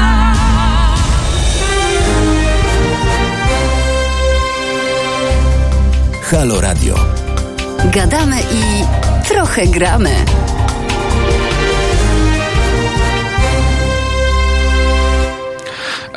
Dzień dobry Państwu, tu galopujący Major z Otchłani. E, Jesteśmy w drugiej części naszej audycji. Proszę do nas dzwonić na plus 48 22 39 059 22 albo pisać na teraz małpa halo radio. Jest z nami kolega Andrzej z Krytyki Politycznej, który opowie Państwu o e, tej wspaniałej akcji, która miała ostatnio e, miejsce. E, dobrze, a więc e, trochę tutaj Andrzeja powstrzymywałem, ale teraz już może powiedzieć przez całe następne 10 minut o tym, jak lewicowa banieczka zareagowała na krytykę polityczną, czyli jak krytycy krytyki politycznej zareagowali na krytykę polityczną. E, Albo raczej na jej brak. E, ta, oczywiście, oczywiście, oczywiście, jasne. jasne. E, No może tak, e, nie będę używał słowa banieczka, bo to jest, e, myślę, trochę deprecjonujące, mimo wszystko. Chociaż z drugiej strony nie masz wrażenia, że to też funkcjonuje troszeczkę tak jakby, e, tak pieszczotliwe. Tak, nazwa, tak, zgoda. No ale po, po, powstrzymam się od tego. Może ten e, bardziej, e, skoro mówimy o na lewo od krytyki, to może komentariat. Komentariat, tak, to jest piękne słowo, tak. Je- Jedno z moich ulubionych ostatnio, tak. Jasne, więc jak zareagował e, lewicowy komentariat? Mm, e, to jest e, ciekawe, bo nasze relacje z są tutaj troszkę jak relacje z e, może inaczej, mam takie poczucie, że czasem jesteśmy traktowani jak e, powiedzmy rodzic, który porzucił swoje, e, swoich wycho- swoje, sw- swoje potomstwo. W sensie, mm, staram się uciekać od takiej konsekwencji tej metafory, ale chodzi mi o dokładnie o, o tę emocję z tym związaną. Znaczy bardzo wiele osób po lewej stronie, mówiącym te słowa, wychowały się na krytyce i wychowały się przede wszystkim na książkach, które krytyka polityczna wydawała. E, I ciężko mi sobie właściwie wyobrazić, jak wyglądałaby młoda, nowa lewica w Polsce, gdyby, ta, gdy, gdyby nie ta robota właśnie ideowa, którą krytyka wykonuje od 18 lat. Jednocześnie, e, no krytyka jest też organizacją tworzoną przez ludzi, którzy mają, jakoś tam się starzeją, idą swoimi ścieżkami. E, Właśnie, jak mówiliśmy w poprzedniej części, starają się często poszerzać swój przekaz, wychodzić do nowych grup odbiorców, robić kolejne rzeczy, no bo e, też każdy chce robić e, coraz ciekawsze i, gdzieś tam iść, i gdzieś tam iść naprzód. I jest taka, myślę, nie, czy nawet nie myślę, nawet wiem, no nie jakoś bardzo duża, ale dość wokalna grupa, która no pozostała na bardziej, że tak powiem, takich e, twardo, e, twardych lewicowych konsekwentnie postawach, nie negocjujących zbyt, zbyt z rzeczywistością nad, nad Wisłą. E, no i oni często recenzują nasze działania w sposób bardzo krytyczny. E, my to akceptujemy. E, Więcej powiem, e, często traktujemy taką inspirację, jakiś tam głos, który nam coś podpowiada, jest jakimś punktem odniesienia. No a przy tej akcji mieliśmy się okazję przekonać, że e, jesteśmy też, e, kiedy, kiedy znikamy, to e, jakby, jakby to precyzyjnie wyrazić, znika pewne zwierciadło, w którym oni się przyglądają, bo często też jest tak, mam takie poczucie, że no, my jesteśmy w stanie zwerbalizować swoje postawy i powiedzieć lepiej, kim ja jestem e, w stosunku do wobec czegoś, odbijając się od czegoś. Teraz my jesteśmy czasem takim zwierciadłem, Mamy egzystencjalizm, proszę Państwa, e, sartrowski powiedzmy trochę tutaj u nas e, w audycji. Bardzo, bardzo, ja się z tym oczywiście zgadzam, tak? Czyli nasze ja jest widoczne dopiero w relacji z drugim ja, tak? Tak, i teraz ta wyrazista lewicowość, kiedy znika to zwierciadło, y, no może nie skrzy tak jasno i jest potrzebna ta krytyka, więc już trzeciego dnia dostawaliśmy właśnie komentarze pod tytułem obiecuję, że nie będę tak bardzo hejtował, tylko proszę już wróćcie choć na chwilę i, i pokażcie, że tam, że, ta, że tam jesteście. E, Więc to jest oczywiście bardzo miłe, e, no ale jak mówię, to my się przyglądamy nawzajem. To nie jest tak właśnie, że to zwierciadło jest dwie strony, rzecz jasna. Więc to jest jakiś tam istotny głos. Cieszą nas, cieszą nas te reakcje i myślę, że to jest... e, Tak, ta, w ogóle cała ta akcja, nie tylko po lewej stronie, wywołała dużo bardzo takich ciepłych i miłych komentarzy z różnych stron, w różnych miejscach. Nie tylko to są ironiczne, złośliwe e, lub serdeczne memy, ale też w takich rozmowach bezpośrednich naszych dziennikarzy, e, którzy przychodzą do redakcji i się z nimi dzielą. E, Nas, w sensie osoby zespołu, ludzie zaczepiali, dostaliśmy sporo maili, komentarzy w internecie, więc tak, no mo- może mo- można, że momentami to było wręcz terapeutyczne. Można powiedzieć, kurde, jednak robimy, robimy, coś, proszę, robimy proszę. coś prawdziwie ważnego i nawet ci, którzy nas czasem tak złośliwie komentują, też to doceniają. No właśnie, bo y, ja czytałem te wszystkie komentarze i rzeczywiście mm, podoba mi się ta figura ojca e, czy rodzica w ogóle, bo ja mam wrażenie, że też polega ona na tym, że te osoby, które są waszymi dziećmi, wychowane są na krytyce politycznej, część z nich poszła bardziej na lewo niż obecnie jest krytyka polityczna, wobec czego ich stosunek do krytyki politycznej jest też trochę jak e, stosunek takiego dziecka, które się już trochę próbuje wyemancypować od swojego rodzica, które e, przechodzi okres, w którym jest coraz bardziej jakby lewicowe i, i, i przechodzi na pozycje wręcz momentami takie ostro socjalistyczne, a z drugiej strony patrzę na swojego e, rodzica jako na właśnie taką osobę, która no, trzyma się pewnego lewicowego etosu, ale powiedzmy socjaldemokratycznego. I ja mam wrażenie, że te te osoby na lewo od, bo to były najciekawsze, najciekawsze mm, głosy, na lewo od y, krytyki politycznej, to są osoby, które z jednej strony lubią sobie poszydzić z krytyki politycznej, ale ten sentyment widać było w tych, e, w tych wypowiedziach, to znaczy widać było, e, że oni mimo wszystko, chociaż czasami się mogą na was wściekać, doceniają konsekwencje, ale przede wszystkim długość trwania krytyki. To znaczy, że wy rzeczywiście jesteście te 18 lat, wydajecie multum książek, no to jest 40 książek rocznie, to jest, to jest sporo. No blisko, blisko Tak. 35. powiedzmy. Tak, 35. No i sytuacja jest trochę taka, że e, właściwie jeśli nie Krypol, to co? No to zostają nam Facebooki, em, fanpage i właściwie, właściwie to jest wszystko. No jest jeszcze parę, e, parę niszowych pism i, i właściwie to koniec. Więc e, rzeczywiście, no tutaj chyba pozdrawiamy też komentariat e, lewicowy. E, z drugiej strony mam też takie wrażenie, że e, jesteście przez ten komentariat lewicowy trochę postrzegani jako taka, ja bym to nazywał, bo, bo ja mam w sobie podobne poglądy, prawicowe skrzydło partii razem. E, ideowo ja to na to tak patrzę, to znaczy, a jednocześnie jest też lewicowe skrzydło partii razem, które jest o wiele bardziej radykalne, powiedzmy.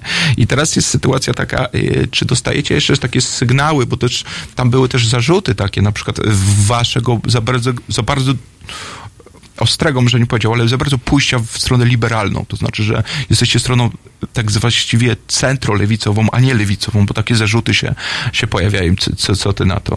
Mhm.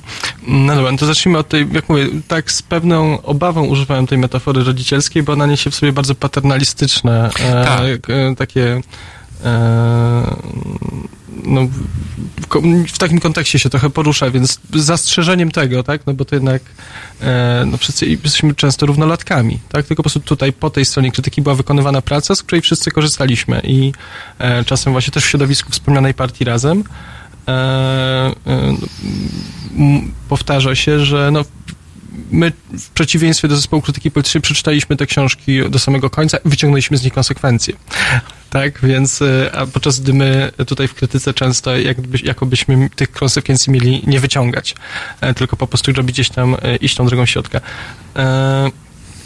Trochę nie wiem, jak na to odpowiedzieć inaczej niż to, że no naszą ambicją nie jest robienie medium i wydawnictwa li tylko dla lewego skrzydła kogokolwiek bądź. O, i to jest bardzo ważne, ja bym chciał, żeby to wybrzmiało, bo y, to rzeczywiście to jest jedno z kluczowych rzeczy, którą chyba lewica sobie powinna nie tylko w Polsce, ale na całym świecie przy, przy, e, przyswoić, a mianowicie taki projekt, on jest, nie jest skierowany tylko wyłącznie do osoby, która jest bardzo świadoma lewicowo, nie. bo w ten sposób jest on zawężający, tak. I, Zdecydowanie nie. E, I e, no, tu jest po prostu mnóstwo roboty do wykonania. I też, żeby było jasne, krytyka polityczna e, też działa tylko na jakimś fragmencie tego i tam jest mnóstwo jeszcze roboty do zrobienia. Znaczy, nie ma żadnych wątpliwości, że jako, jako, jako zespół, jako tych te kilka mm, elementów, które wy, wymieniłem, naszym głównym e, adresatem ciągle pozostaje e, relatywnie dobrze wykształcony mieszkaniec dużego miasta z jakimś tam potencjałem e, e, kulturowym, wyniesionym gdzieś wcześniej lub zdobytym dzięki bezpłatnej edukacji, czemukolwiek bądź. E, I, I to się jakoś mocno nie zmienia. My na lewicy potrzebujemy, nie wiem, potrzebujemy tabloidów w jakimś sensie, tak? W sensie takiego uproszczonego, ale sprawiedliwego i prawdziwego przekazu. Osób, które potrafią pisać takim językiem, które ten język mają za swój e, i tego krytyka nigdy nie zrobi. E, Tak, więc e, my po prostu no, robimy to, co potrafimy, staramy się to rozwijać, no i poszerzać nasze grupy odbiorców. I jak mówię, traktujemy te głosy z lewej także jako busole.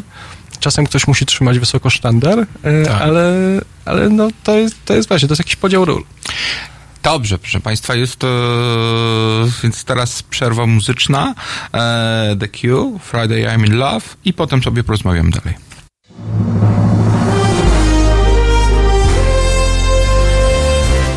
Jutro. Od 7 do 10 o kawę, informacje niekoniecznie straszne i dobry humor zadba Marika Krajniewska, która o polityce wie niewiele, ale liczy na Państwa.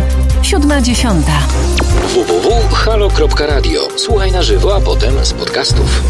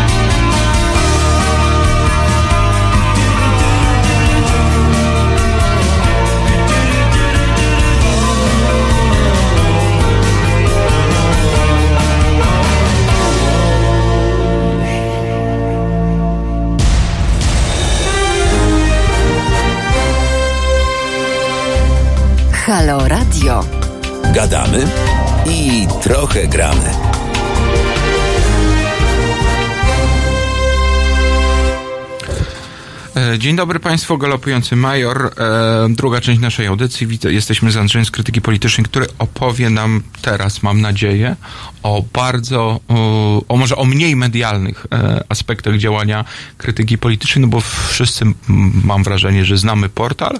E, wszyscy chociaż raz widzieliśmy, czy trzymaliśmy w ręku książkę krytyki. Być może również moją, żartuję, ale wszyscy żeśmy tych książek trochę czytali.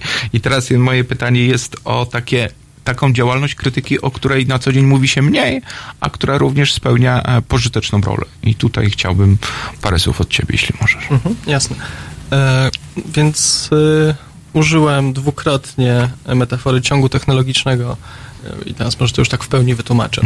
E, więc my w pierwszej kolejności, można powiedzieć, e, staramy się przyjrzeć rzeczywistości bardzo uważnie e, i od wi- 2012 roku działa Instytut Studiów Zaangażowanych, e, który prowadził seminaria, z które się też były też połączone z badaniami. E, Instytut ewoluuje e, i obecnie koncentruje się już w całości na badaniach często powiązanych z postawami politycznymi, intelektualnymi, społecznymi e, Polaków. E, I to jest to, co będziemy na pewno robili także w kolejnym roku e, i dalej. Instytut jest integralną częścią krytyki i jest właśnie tym elementem, gdzie bardzo dużo się produkuje wiedzy. Co z tą wiedzą się dzieje dalej? Tworzymy raporty, to jest rzecz jasna, ale też publikujemy książki i tu jest wspomniane wydawnictwo. Wydawnictwo, które publikowało w Polsce bardzo znane dla, i istotne dla światowej e, nauki, także współczesnych nauk społecznych, nazwiska, by wspomnieć Piketty'ego, którego zresztą też nową książkę będziemy wydawać. E, mamy cały rok na przetłumaczenie tej całkiem pokaźnej pozycji e, z, momen, z momentami rewolucyjnymi wnioskami. E, e, e, ale też właśnie zajmujemy się publicystyką taką codzienną na, w serwisie krytykapolityczna.pl. E, Wydajemy średnio 4-5 materiałów dziennie. E, To są często dość pogłębione rzeczy i to jest ten medialny element, o którym wspomniałeś. Co robimy na zapleczu? My przez wiele lat prowadziliśmy sieć świetlic i klubów, e, które dziś po latach często przerodziły się właśnie w tę młodą lewicę, bo to byli młodzi, zaangażowani ludzie, z których bardzo wielu chciało iść do polityki i poszło, tworzą choćby wspomnianą e, partię Razem, czy Wiosnę dziś wcielo, zrzeszoną razem z, w, e, W SLD, w- tak. z, razem z SLD w, no, w, w Nową Lewicę, więc kto chciał iść w politykę, ten poszedł. Część z nas jakoś tam na, na, jej, na jej obrzeżu funkcjonuje. E, A z, z tych klubów i świetlic do dziś funkcjonują świetlice na dwóch uh, końcach Polski, w Gdańsku i w Cieszynie. Czyli cały czas te dwie są, tak? Tak, zostawiamy sobie drogi odwrotu. Nie wiemy, w którą stronę trzeba będzie uciekać, więc ewentualnie poza morze, Jasne, albo, tak, albo, te, albo na, al, prawicowej kontrrewolucji tak zawsze trzeba mieć furtki. E, ale pytanie jest, a ile było wcześniej tych świetlic? Pamiętasz może? e, nie odpowiedzieć na to pytanie. I, ale wiem, że ich było sporo, zdaje się. Świetlic było sporo i klubów też było dużo. Sam e, bardzo e, korzystałem z działalności klubu e, w Łodzi, gdzie, gdzie wówczas mieszkałem i to była fantastyczna robota, ale też bardzo wyczerpująca i trudna. Co, co pamiętam, no klub, e, klub łódzki tworzyła Hanna Gil-Piątek, która dzisiaj jest posłanką lewicy, no więc właśnie to jest ta, to jest ta droga O, to ludzi jest dobry przykład, e, tak? zwią, związanych, e, związanych z naszym środowiskiem. Teraz Czyli- te dwie świetlice, o których, mów, o których Tak. mówię, mają trochę różny profil. O ile w Gdańsku e, to jest e, hub kulturalno-obywatelski prowadzony przez Elę Rutkowską, która właśnie została uhonorowana e, tam, nagrodą, bodaj już nie chcę przekręcić nazwy, w każdym razie prestiżową nagrodą gdzie, dawaną przez prezydenta miasta Gdańska, bodaj Kobieta Solidarności, za e, wiele lat działania. On od, od siedmiu lat prowadzi, prowadzi świetlicę i wspaniale, robi świetną robotę. E, W Cieszynie znowuż e, em, koncentrujemy się głównie na rewitalizacji, na pracy z e, dziećmi i młodzieżą z dość trudnych, e, trudnego e, rejonu Cieszyna, jakim jest Starówka, Śródmieście czy Wene- Wenecja Cieszyńska, więc tam się, tam bardzo dużo się dzieje działań edukacyjnych, Aha. W kolejnych takich cyklach e, poświęconych określonym wartościom. Na przykład e, w przyszłym roku mamy cały cykl poświęcony odwadze, ale odwadze też rozumianej, no bo odwaga, jak wiemy, jest pierwszą z cnót, e, w tym sensie, że nie jest największą, ale jest niezbędną, żeby jakiekolwiek inne, Inne można, można, można, re, można realizować. I odwaga w takim mieście jak Cieszyn często oznacza... Mm, odwagę do tego, żeby zostać i robić rzeczy tam na miejscu, a nie wynieść się do Katowic, Krakowa, Wrocławia czy, czy wreszcie Warszawy. Więc ta odwaga ma różne imiona i robimy cały cykl, wydawnictwo dla dzieci, warsztaty i tak. W poprzednich latach były to inne, in, inne wartości, podejmowaliśmy tematy wstydu i tak więc takie cykle, e, cykle e, mocno tematyczne, e, powiązane z tym, co, co młodzi, ale nie tylko młodzi ludzie po prostu istotnie przeżywają. E, Cieszyn jedną z osób prowadzących Cieszyn jest Jana Wawrzeczka, która jest dzisiaj radną e, miasta Cieszyna i jak No się czasem, czasem śmiejemy przyszłą, przyszłą panią burmistrz, bo e, jest na dobrej drodze do tego, żeby, żeby swój wpływ jeszcze wzmocnić. Więc tak, no jesteśmy środowiskiem trwale i realnie zainteresowanym działaniem, takim działa, działanie w terenie, produkujemy ideę, ale staramy się bardzo mocno urzeczywistniać. O tym też był nasz manifest i o tym była nasza akcja. Czy w pewnym sensie jesteście rzeczywiście takim e, koszmarem prawicy, ponieważ e, tak jak e, prawica e, nienawidzi marksizmu, którego oczywiście nie czyta, nie rozumie, tak jest jeden marksista, któremu ciągle przyznają rację, czyli Antonio Gramsci, tak, e, włoski marksista. Oni twierdzą, że za pomocą kultury chcecie przejąć władzę nad światem i rzeczywiście troszeczkę, że ja mam wrażenie, że krytyka polityczna idąc takim szerokim frontem, różnymi działaniami próbuje e, troszeczkę ten mental e, wolnorynkowy w Polsce e, przeprogramować i w jakiś sposób e,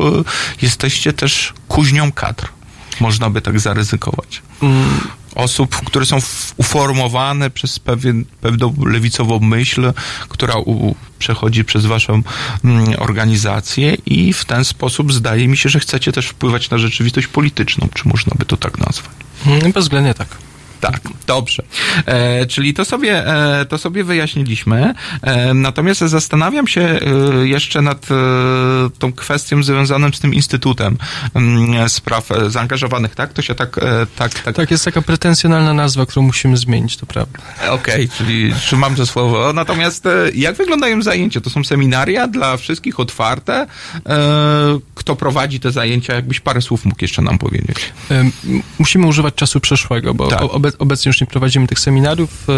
ym, s- Zdecydowaliśmy się właśnie skoncentrować moc bardziej na, mm, na badaniach i, i tego rodzaju działalności. Bardzo dobrym przykładem były seminaria Andrzeja Ledera, Mhm. e, których e, rezultatem, znanym bardzo wielu, była w, książka Prześniona rewolucja, bo to, Tak. to był ostatecznie rezultat też tych prac badawczych e, i e, dyskusji, wymiany myśli podczas seminariów, więc to były takie rzeczy.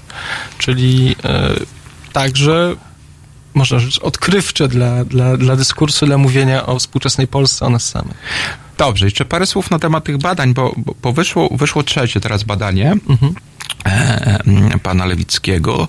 Wcześniej było wyda, wydanie Gduli, e, jeżeli chodzi o Maćka Gdulę, tak? To Mhm. było Miastko. dobra zmiana w miastku, Tak. a potem był e, jeszcze ten e, polityczny cynizm em, Polaków, chociaż to ja, jeśli bardziej to brałem jako polityczny pragmatyzm Polaków. Natomiast e, mam wrażenie, że każde z tych badań było dosyć głośne. To Mhm. znaczy, e, nie wiem jak to się zdarzyło, czy to jest taka siła krytyki politycznej, czy ono było tak dobre jakościowe, ale mam wrażenie, że każde zabuzowało, jeżeli chodzi o odbiór, ponieważ one nie są takie oczywiste. To znaczy, pokazywały nam tą rzeczywistość, że ona jest trochę inna niż wielu się wydaje. Czyli ta dobra zmiana w miastku pokazało, że to nie tylko kwestie związane z e, pewnym wykluczeniem ekonomicznym, ale pewien również resentyment gra rolę, jeżeli chodzi o dobrą zmianę w miastku. W politycznym cynizmie Polaków okazało się, że Polacy nie są aż tak bardzo, nie dają się aż tak bardzo manipulować, jak się może to wydawać osobom z Warszawy, które e, patrzą na tą prowincję trochę mm, protekcjonalnie. No i teraz mieliśmy to ostatnie badanie, więc e, jakby ostatnie pytanie tuż przed przerwą, czy, czy, czy, czy, czy, macie jeszcze w planach jakieś, jakieś badania w następnym roku? Mamy zaplanowane, już, już nie mamy gdzie, nie mamy już mocy przerwowych na więcej badań niż mamy zaplanowane. Ale badania są zaplanowane, ja rozumiem, i będą. Więc- Zaplanowane, zabudżetowane. Tak, i, i jeśli ja mogę apelować o coś, to apeluję o to, żeby, proszę Państwa, czytać te badania całe, czyli nie tylko wnioski, e, bo łapię się na tym, że wnioski są zawsze interpretacją e, badających, natomiast jeżeli sobie prześledzimy, już mówię, żeby wchodzić w metodykę, ale prześledzimy sobie cały taki raport, to ja mam wrażenie, że jest to pewna pigułka wiedzy o rzeczywistości, która nam trochę może przemeblować poglądy, e, tak więc bardzo, bardzo mm, zachęcam. I co, teraz zrobimy przerwę muzyczną i mamy Davida Bowiego Let's Dance.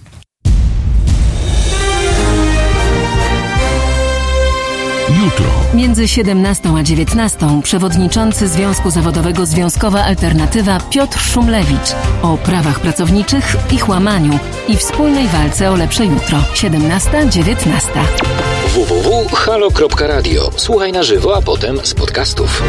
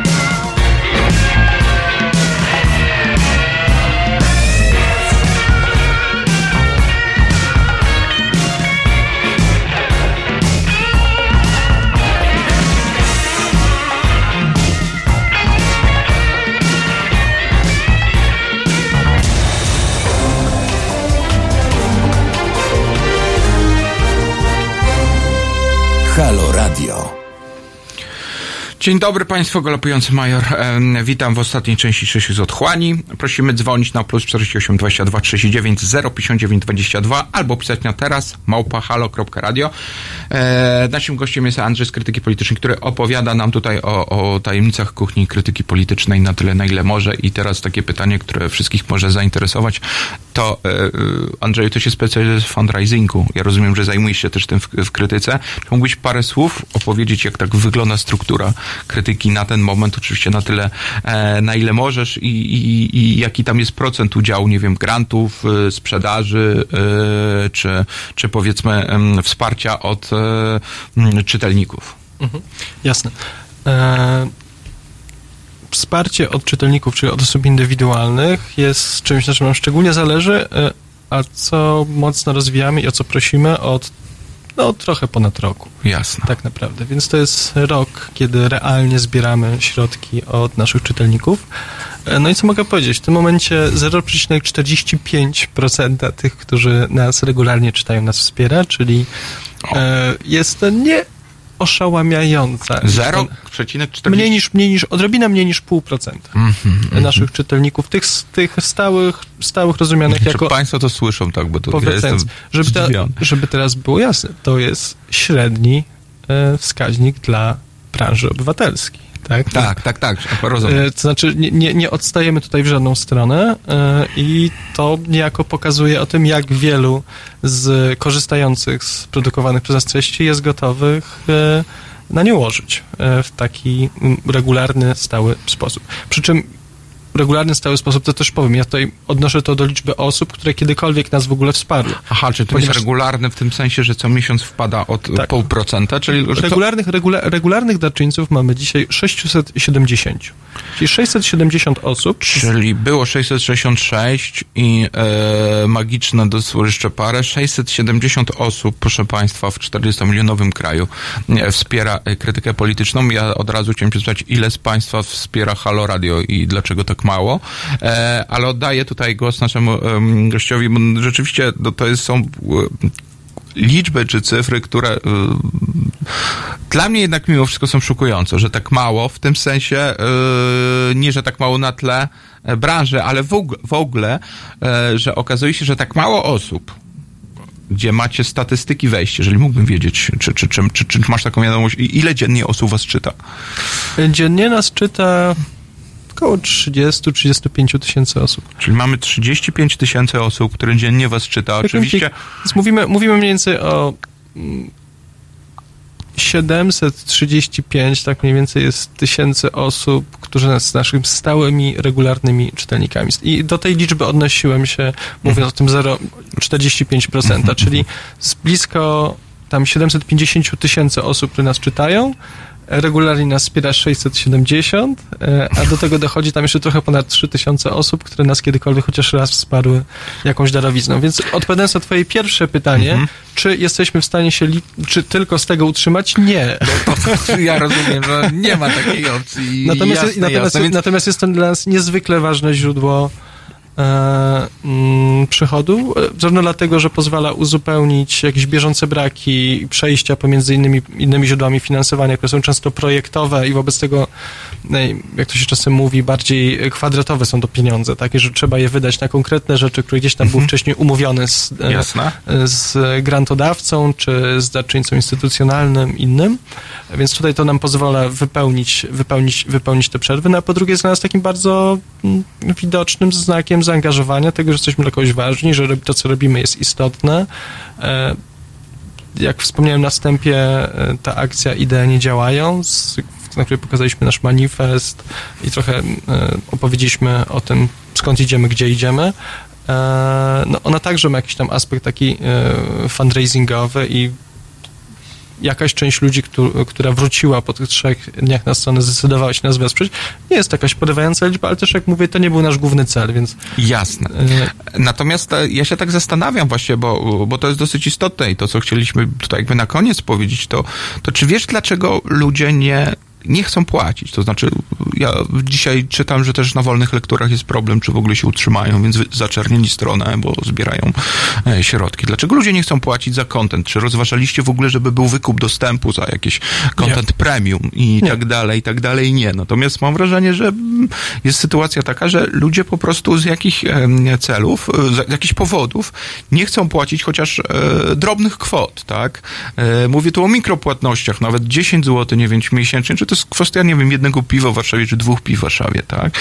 I to nagle okazuje się, że ja mam wrażenie, że to nie jest do końca kwestia związana z e, pieniędzmi. Czy mam wrażenie, że to jest raczej kwestia związana mm, z pewną kulturą tego, że przyzwyczailiśmy się, że w sieci rzeczy są co do zasady darmowe, czy bardzo dużo jest rzeczy darmowych. I w ten sposób niejako no Facebook na tym na przykład bardzo, bardzo żeruje, tak, na całym tym modelu. I że mam wrażenie, że trudno jest ludzi przekonać i że mam wrażenie, że oni czują się trochę e, jakby płacili za... Jeżeli możesz zapłacić za coś, co możesz mieć za darmo, to za to nie płacisz. Czy, czy zgodziłbyś się ze mną, że i to jest problem, że chyba nikt nie wie, w jaki sposób moglibyśmy to zmienić. To znaczy powiedzieć im, zapłać te parę złotych, chociażby, żeby to, co powiedziałeś, żeby docenić moją pracę, tak? E, i, i, I teraz pytanie, czy, czy wy zastanawialiście się, w jaki sposób można by rozwiązać, rozwiązać ten problem? Jakby, to już ostatnie jakby dzisiejsze, dzisiejsze pytanie. To jest niewątpliwie część czegoś więcej, e, część ciągle rozwijającej się kultury filantropii w naszym kraju. E, Mamy taki, a nie inny model finansowania trzeciego sektora od bardzo wielu lat, który jest uzależniony od e, grantów i środków publicznych. E, W konsekwencji nie może do końca realizować swojej misji obywatelskiej, być prawdziwie niezależny. To Agnieszka Graf o tym pisała. Tam. Jasne. Wiele, wiele, wiele lat temu identyfikowała to jako jedną z głównych chorób trzeciego sektora.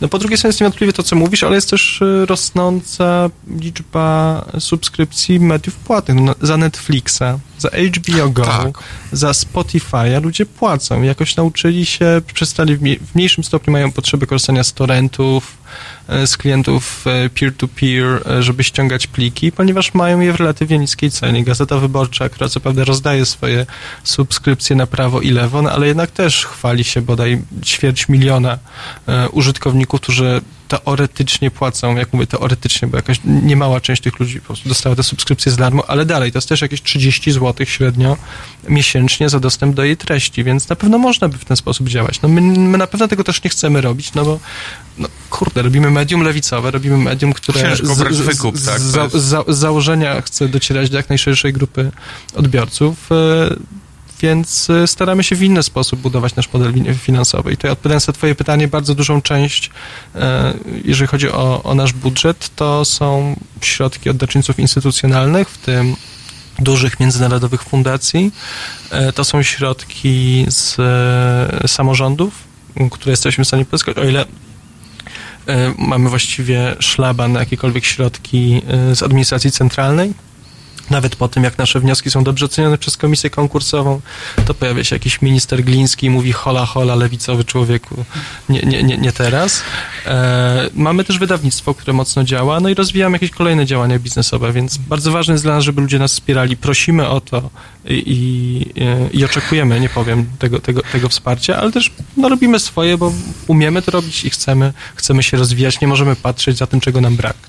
Dobrze, proszę Państwa, więc na koniec taki apel. Prosimy o wsparcie i dla Halo Radio, i dla krytyki politycznej. To tyle. Bardzo dziękuję za wizytę. E, Jeżeli chodzi o ostatnią rzecz, to proszę Państwa, być może będziemy musieli za, zawiesić przez chwilę, przez, przez jakiś moment audycję z otchłani ze względu na, na problemy czasowe, które mnie jakby dopadły. Natomiast z kolegą Kubą Wątłym będziemy e, pewnie rozmawiać o tym, w jaki sposób moglibyśmy dalej współpracować. Będę się też pojawił jako gość.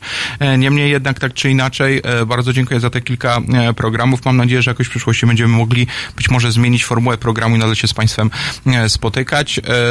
To było z Otchłani, trzeci odcinek. Na razie jakoś zawieszamy, ale mam nadzieję, że nie ostatni. Mój kolega Andrzej Mikołajski z Krytyki Politycznej, jeszcze raz mu bardzo dziękuję. Dzięki. Do zobaczenia, czy do usłyszenia. Dzień dobry, nazywam się Kuba Wątły. Jestem pomysłodawcą projektu Halo Radia, pierwszego w Polsce w pełni profesjonalnego medium dla obywateli.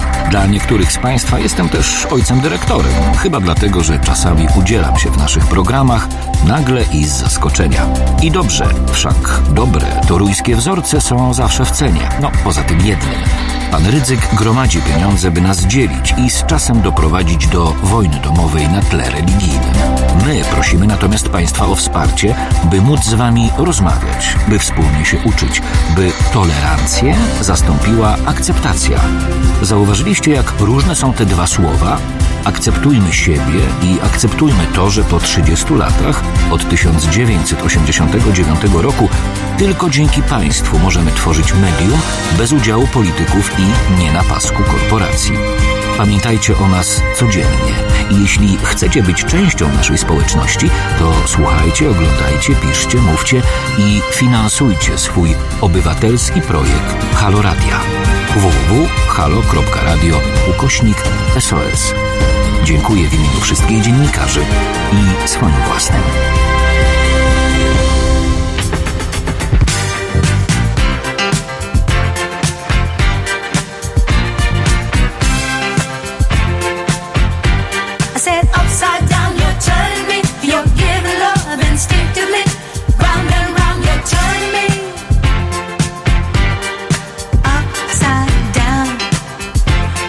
Turn